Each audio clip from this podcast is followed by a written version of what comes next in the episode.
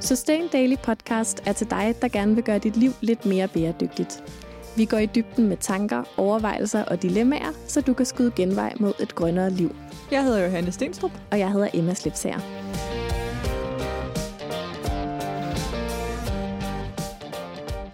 Hej Emma. Hej Johanne.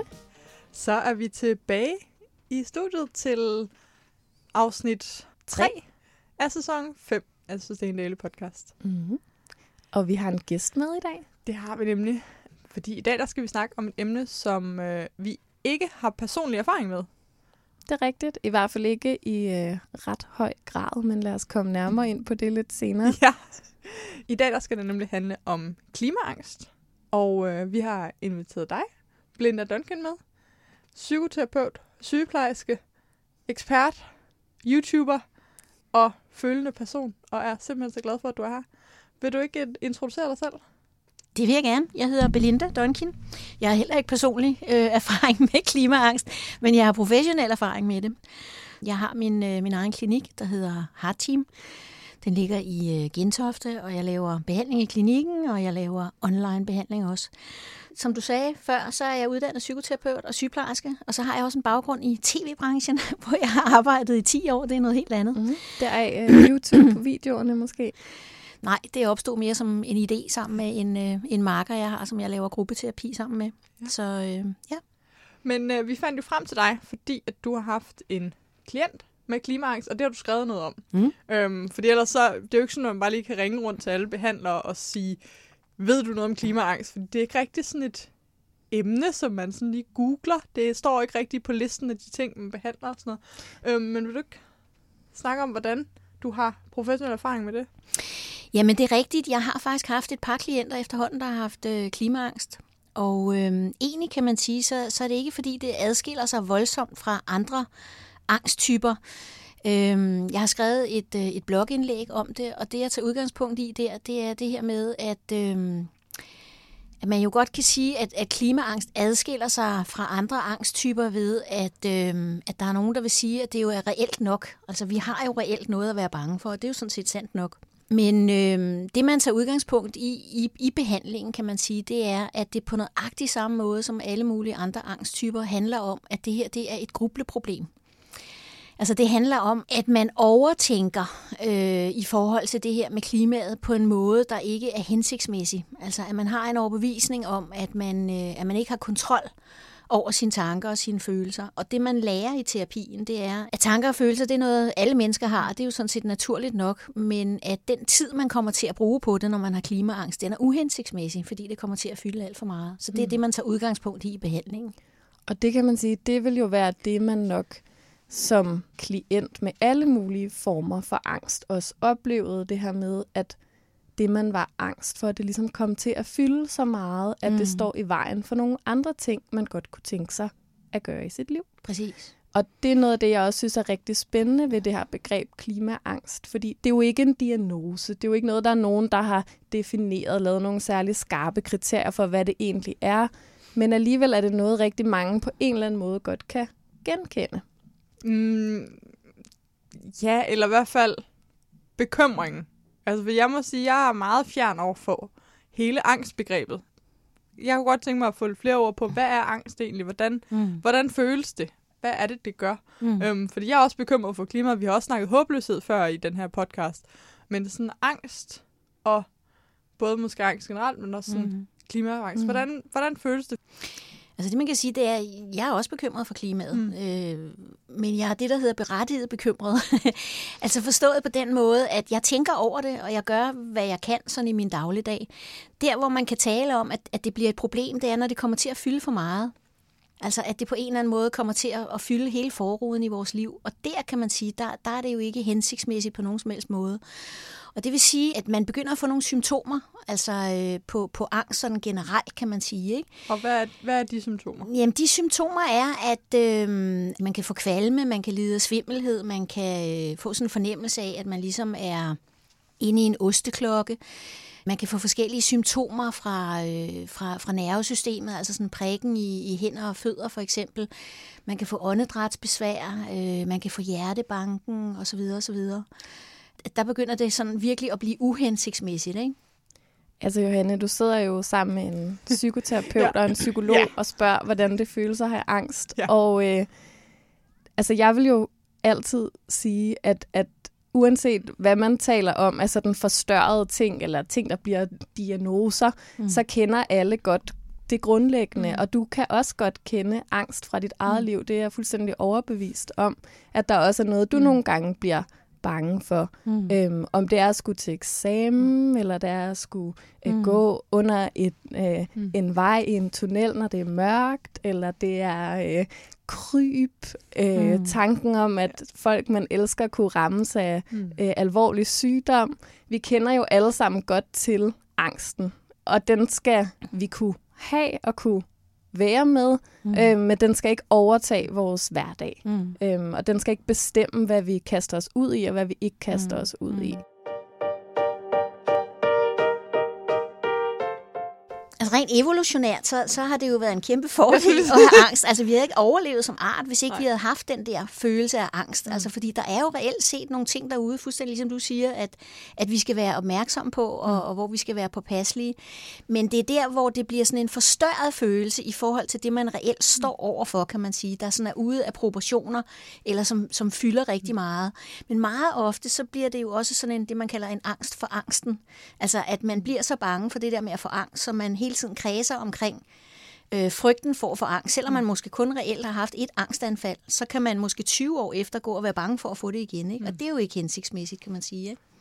Og noget af det, som angst også nogle gange kan medføre, og det har du måske også øh, noget at sige til, Belinda, det er det her med undgåelsesadfærd. Mm, præcis. Altså, at når man er blevet angst for noget, så er der rigtig meget i en, der trækker en i retning af ikke at blive konfronteret med det her igen. Mm. Og i forhold til klimaet, så er det jo, og der vil jeg jo sige heldigvis, og tak for det, mm. øh, alle steds nærværende lige nu. Mm. Det er faktisk svært at begive sig øh, ret meget igennem øh, et sted med nogle bladforsider eller avisforsider, eller mm. igennem øh, mm. et Facebook-feed, eller en helt almindelig øh, samtale nede i kantinen hen over ugen, mm. uden at blive konfronteret med klimaet og klimaforandringer mm. og klimaudfordringer og grøn omstilling og smeltende polaris mm. og alt det her. Mm. Øhm, så hvordan, øh, hvordan kan man håndtere det? Ja, det man kan sige, det er, det er jo egentlig hensigtsmæssigt, som du siger. Du siger tak for det, altså, fordi det er ikke noget problem mm for jer to, det er heller ikke noget problem for mig.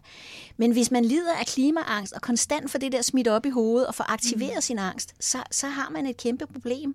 Fordi så kan det være virkelig svært at håndtere.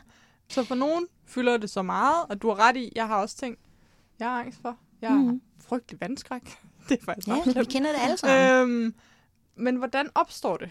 Altså min erfaring er, at dem, der får klimaangst, de har højst sandsynligt fået en eller anden anden form for angst alligevel, fordi de på en eller anden måde er, er måske lidt disponeret for det. Hvem er disponeret for det? Ja, det er jo faktisk det, der er lidt interessant, fordi før i tiden har man jo altid talt rigtig meget omkring det her med, at, øh, at det ligesom lå i generne, at det var arveligt osv. osv., eller der var en fejl i biokemien, eller hvad ved jeg. Men de nyeste undersøgelser tyder jo på, altså det forskning i dag viser, Blandt andet ham, der hedder øh, Adrian Wells, som jo har opfundet den metakognitiv terapi. Det alle undersøgelser i dag viser, det er, at angst det er et problem i forhold til, at bekymringer og grublerier og negative tanker, det kommer til at fylde for meget hos os. At det ikke så meget det, at vi kan få en tanke omkring klimaet, som virker skræmmende, men det er det, at vi ikke tror, at vi kan kontrollere den tanke, at den kommer til at tage for meget over. Så det er ikke bare en tanke, vi registrerer, der ligesom er på gennemgang, men at vi kommer til at invitere den indenfor på kaffe og kage og underholdning, øh, og, og så ligesom giver den lov til at fylde alt for meget, fordi at vi tror, at det er noget, vi ikke har kontrol over. Og det har vi rent faktisk, men vi kan have glemt, hvordan man gør. Det skal så genlæres, kan man sige. Ikke? Jeg tænker på, kunne du ikke prøve at give et par eksempler på, hvad er det, man kunne være bange for? Eller hvad er det for mm. nogle tanker, man kunne komme til at invitere indenfor, mm. hvis man led af klimaangst? Jamen det kunne for eksempel være det her med, at man hver eneste gang, man bare åbner for vandhanen for at tage et glas vand, altså bliver ramt af den der følelse af, jamen, hvad nu hvis der pludselig ikke er vand nok? Mm. Eller hvad nu hvis der pludselig er for meget vand? Eller hvad nu hvis der pludselig bliver tørke i Afrika, og alle dem, der bor nede, begynder at flygte op imod Danmark? Altså at, at sådan en lille, normal, dagligdags ting, som vi skal kunne håndtere i et almindeligt levet liv, pludselig øh, bliver noget, der, der ligesom udløser en, en lavine af følelser og tanker, som gør, at vi får det virkelig, virkelig dårligt. Mm. Så det, det er et eksempel. Øhm. Det er crazy med det eksempel, det er jo, at det er jo ikke særlig langt væk. Altså udviklede lande som Sydafrika og Australien, der er blevet lukket for vandet inden for de sidste par år. Mm.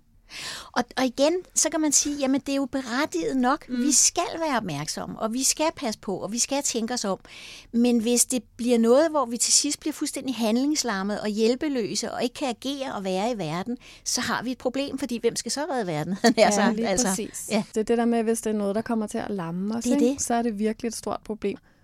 Men man kunne måske forestille sig, at dem, der bliver ramt af noget klimaangst, de mm. også har potentialet til at blive nogle 100 dygtige ja. klimaaktivister. Det, lyder, det, det, er jo ja, folk med meget empati sige. Ja. for verden, og det kræver klimakampen jo. Det kræver ja. empati for noget, man ikke kan se. Ja en af de ting, som, øh, som man blandt andet lærer folk, når de er i metakognitiv terapi, det er det her med, at, at de skal ligesom vurdere, er det her noget, jeg kan sætte handling på? Er det noget, jeg kan gøre noget ved?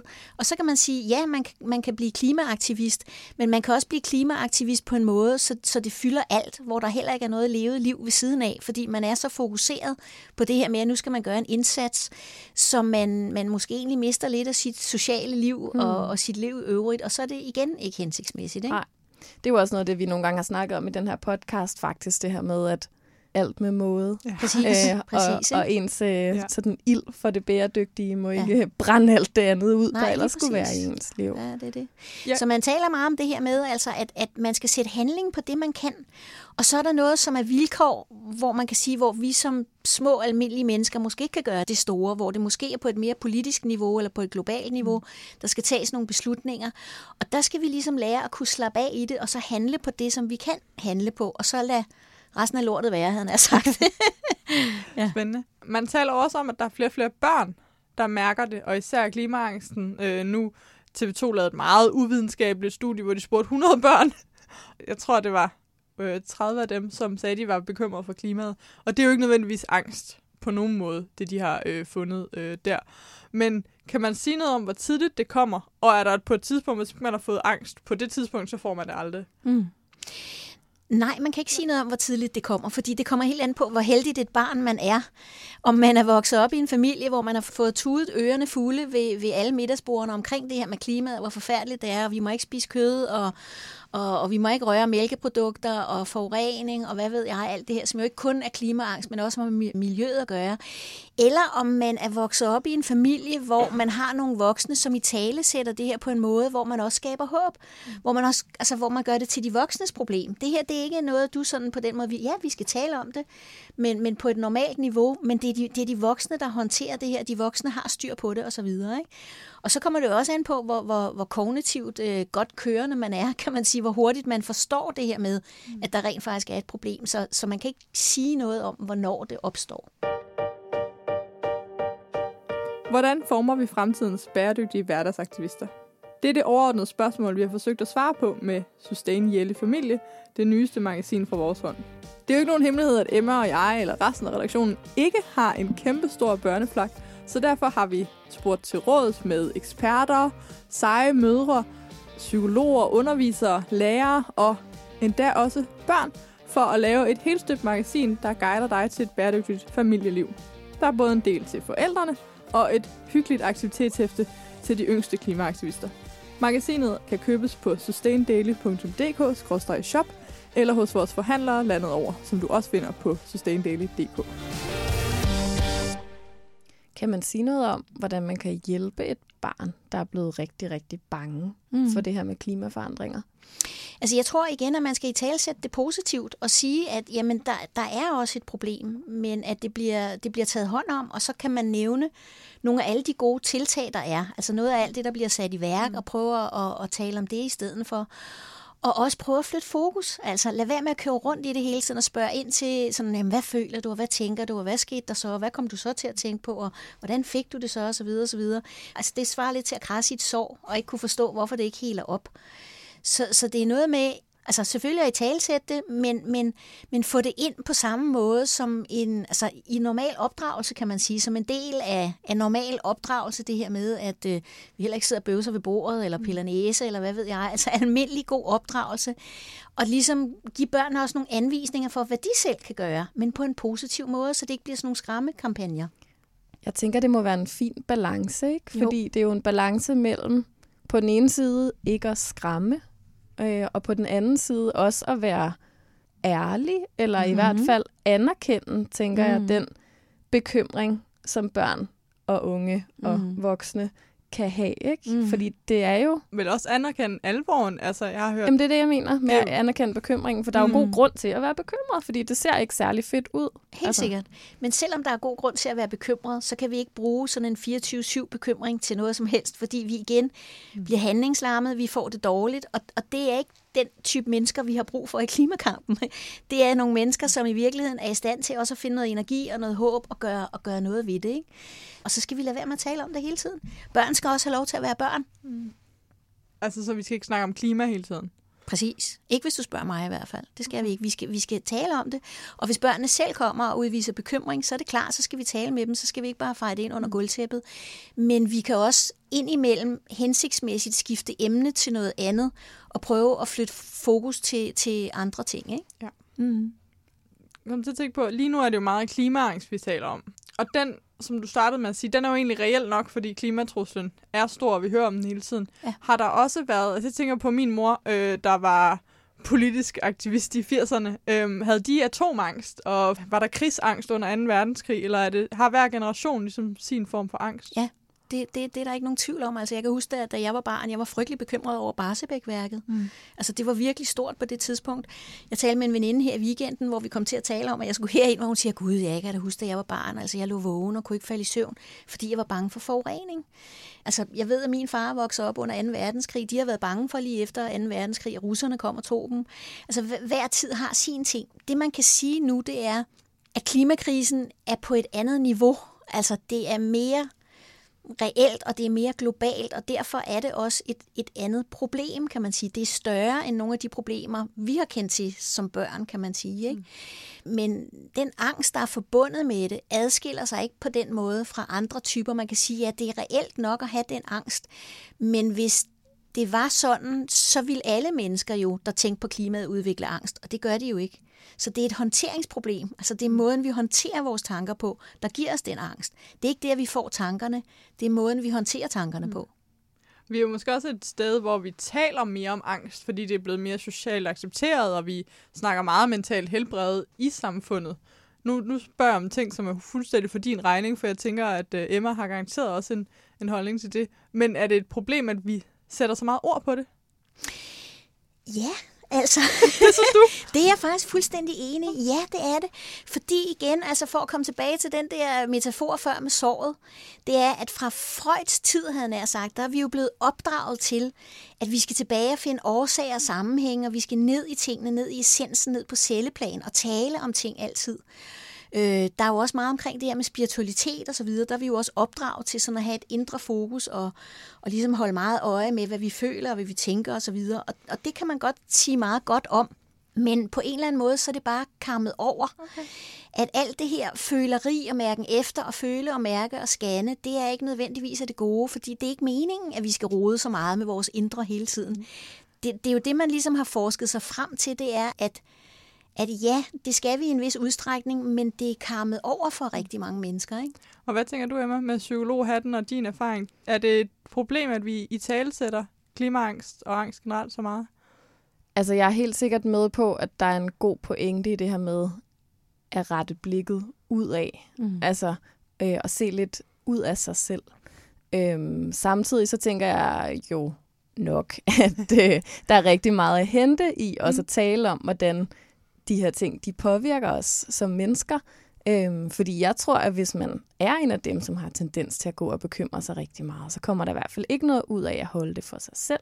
Men hvis man går rundt og tumler med sådan noget her, og faktisk bliver bange af mm. at tænke på sin fremtid, eller sin børns fremtid, eller af at tænde for vandet, fordi det minder en om ressourceknaphed og tørker og oversvømmelser, øhm, så vil jeg jo helt klart sige, at øh, første skridt, det var at sætte ord på. Mm. Og så er det måske meget godt, at det her ord florerer så meget i medierne, så man kan have noget at spejle sig i, eller? Ja, der kan måske i hvert fald være for nogen øh, noget at, at vinde i at finde ud af, at de ikke er de eneste, der går og har det på den her måde. For man kan jo også hurtigt komme til at føle sig forkert, hvis man mm. tror, at sådan som man har det, er helt unikt. Øhm, mm. Og det er det jo sjældent. Mm. Det er jeg faktisk fuldstændig enig med dig i. Og samtidig må jeg sige, at rigtig mange af de øh, klienter, jeg har øh, i min klinik, altså de taler jo meget om det, øh, meget gerne og hele tiden. Og når jeg spørger dem, om de får det bedre af det, så tænker de sig som regel lidt om, og så siger de, nej, jeg får det faktisk værre. Så det vi taler om her, det er, altså at, at man må spørge sig selv, om de tanker, man gør sig, bidrager med noget? Kommer der noget nyt ind? Er der en eller anden form for fremdrift i det? Fordi hvis det bare er de samme gamle tanker, og det samme, man taler om hele tiden, så bliver hjernen overbelastet, og det kan vi ikke tåle.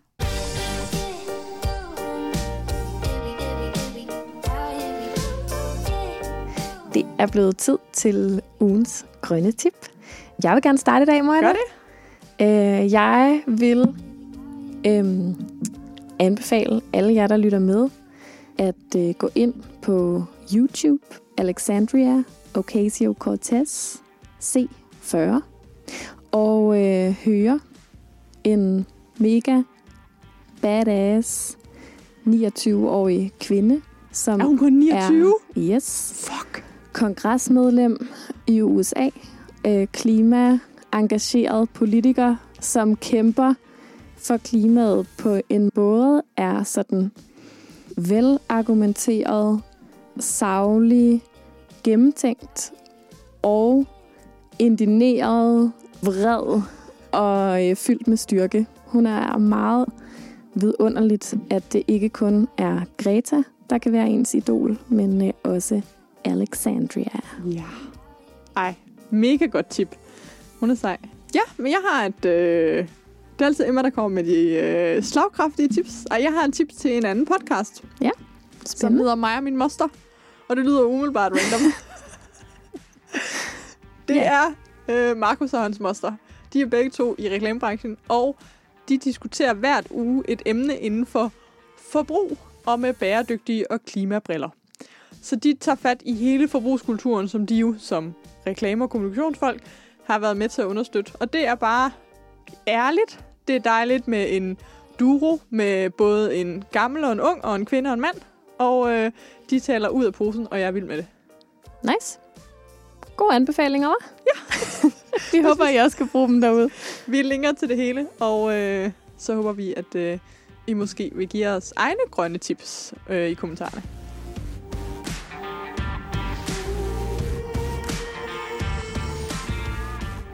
Jeg kommer sådan til at tænke på det afsnit, vi har indspillet omkring dårlig samvittighed. Ja.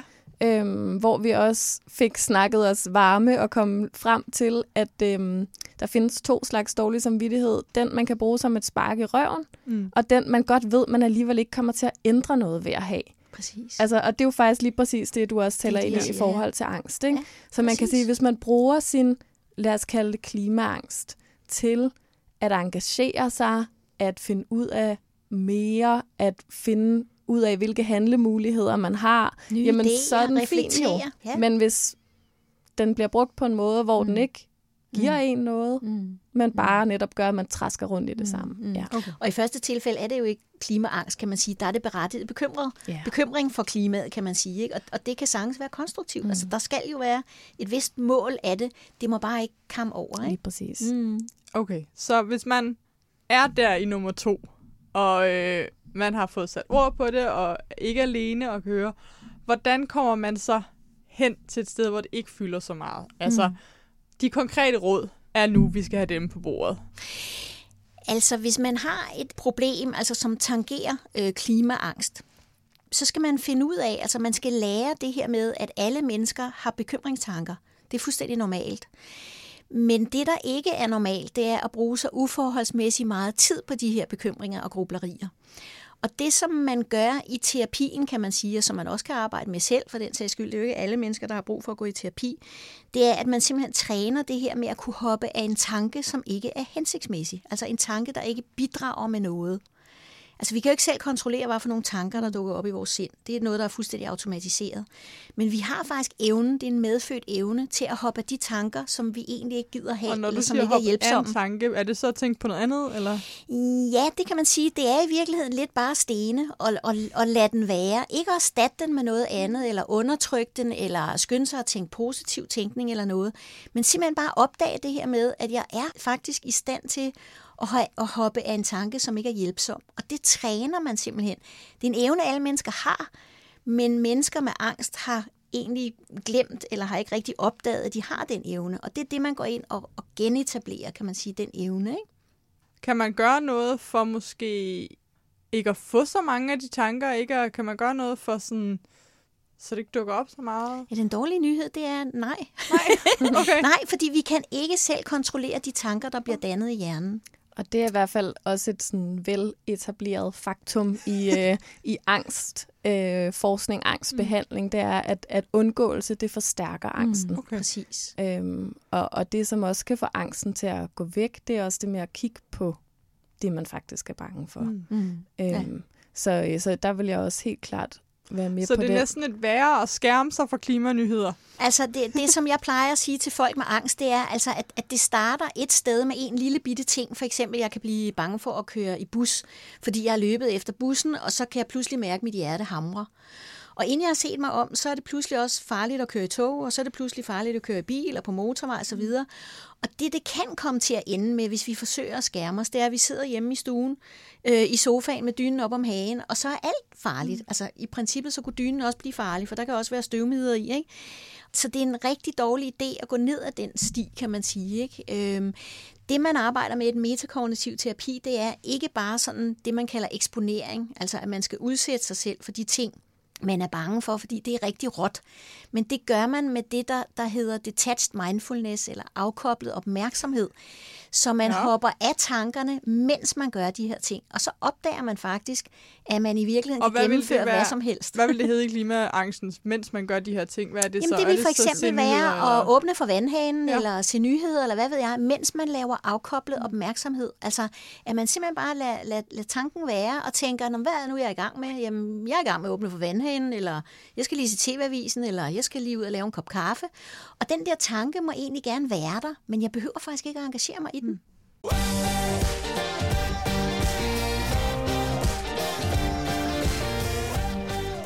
Jeg har siddet sådan og brændt lidt inde med noget, øh, siden vi snakker om det her med øh, Barsebæk. Mm, og, øh, ja, og, fra min barndom. Øh, altså atomkrigen eller russerne, der kommer. Jeg læste på et tidspunkt, at øh, klima er noget andet, Mhm. fordi der er et element af skyld forbundet med klimakrisen, og fordi at man, mm. sådan som man går rundt og lever sit liv, hvis man skulle være så heldig at være født og opvokset i Skandinavien, øh, være relativt velstående i forhold til langt de fleste på den her jordklode, øh, så bidrager man faktisk med sin øh, blotte eksistens til, øh, Til en klimaaftrykket. stor øh, udledning af Mhm. CO2 i kraft af, at vi har et, et offentligt system og alt det Mhm. her. Altså, uanset om man bare sad derhjemme i sin egen lille jordhytte, så i det, at man har et CPR-nummer, så bidrager man jo til en hel del her i Danmark. Ja. Og det vil man jo ikke på samme måde ligesom kunne sige om den kolde krig. Barsebæk, Eller, eller nej, russerne er kommer, eller sådan noget. Mm. Øhm, jeg ved ikke, om du har nogen sådan refleksioner omkring det, altså om mm. det på en eller anden måde gør det her anderledes, eller... Mm. Det spørgsmål, jeg vil stille det til dig, det var, jamen når nu du får den her skyld over overhovedet at være til her på kloden, får du det så værre eller bedre, når du hele tiden reflekterer omkring det, eller hele tiden bekymrer dig omkring det? Og der vil du jo tydeligvis få det værre. Øh, så det man kan sige, det er, at det bidrager ikke med noget andet, end at du får det rigtig, rigtig skidt, bliver handlingslammet osv. Ja. Øh, for angstanfald måske også. Så hvis du opdager, at du egentlig er i stand til at hoppe af den tanke, ikke at, ikke at du fuldstændig skal ignorere den, fordi der er jo også noget godt i den, men den skal bare ikke have lov til at fylde for meget, så vil du også være et menneske, som kan bidrage mere til løsningen af det problem, som, som er et kollektivt problem for mm. os alle sammen. Det handler virkelig meget om det her med balance mellem at kigge ind og kigge ud. Ikke? Ja, Fordi præcis. en eller anden øh, grad af kigge indad er jo også god og fin, og når det handler om klimaet, men så er der jo også en pointe i netop at ændre sin adfærd og tage det ansvar på sig, som man nu kan, Og men handle. samtidig kan man jo netop heller ikke løse det hele selv, eller altså man kan ikke gå rundt og føle, at man er ansvarlig for hele den det skal samlede vi, og det skal vi klimakrise. ikke. Altså, det er ikke hensigtsmæssigt på nogen som helst måde. Altså, det får man kun et rigtigt, hvad kan man sige, crappigt liv ud af, ikke? ja. Altså, det, det, er der, det er der heller ikke noget godt at sige om. Vi har Nej. fået et spørgsmål ind på de sociale medier. Vi spurgte ud på Instagram i morges. Og det ene er, om angst og klimaangst gik mest er for kvinder. Kan man sige noget om det? Er det generelt flere kvinder, der får angst end mænd? Der er en tendens til, okay. At der er flere kvinder, altså, og, og man ved, altså der er blandt andet lavet en undersøgelse i Australien, jeg tror den er fra 2010 eller sådan noget, der viser, at, øh, at det altså mest, eller man kan sige hovedvægten ligger hos kvinder øh, under 35. Og det er faktisk det, jeg oplever generelt øh, i min klinik også, det er, at, øh, at, det er meget unge øh, kvinder med, med små børn og, øh, og job. Man kan i hvert fald også sige, at kvinder er øh, køn, som er mest tilbøjelige til at opsøge øh, psykoterapi. Mm. Mm. Så de Ja. gør måske mere ved det, hvis de har angst, og derfor opstår i statistikker, eller hvad man skal sige. Det kunne man... Ja, jeg tror også, at de er mere tilbøjelige til at igen det her med at italesætte over for andre, at de har et problem og få gode råd fra veninder eller familie eller et eller andet. De er ikke helt så bange for ligesom at flashe, at de har det skidt, kan man sige, som mænd er. Fordi for mænd kan det meget være sådan et kontroltab og et et identitetstab, det her med, altså, der er jo ikke noget smart ved at have angst. Altså, der, man kan sige det her med, at "Jamen, så har jeg haft stress og sådan noget, det, det er alligevel sådan en lille smule mere smart, fordi hold da op, der har godt nok været gang i den, og der har været brug for dig og så videre. Men der er jo ikke nogen, der sådan på den måde tænker, at det er smart at have angst. Der kommer også et spørgsmål, øhm, som jeg synes måske, det kan være fint at slutte med, fordi vi, du var lidt inde over det, men Mm. prøv helt konkret, hvordan håndterer man det hos små børn i indskolingsalderen? Som jo nok ikke er, som du sagde, så kognitivt udviklet, Mm. eller måske ikke har så meget sprog.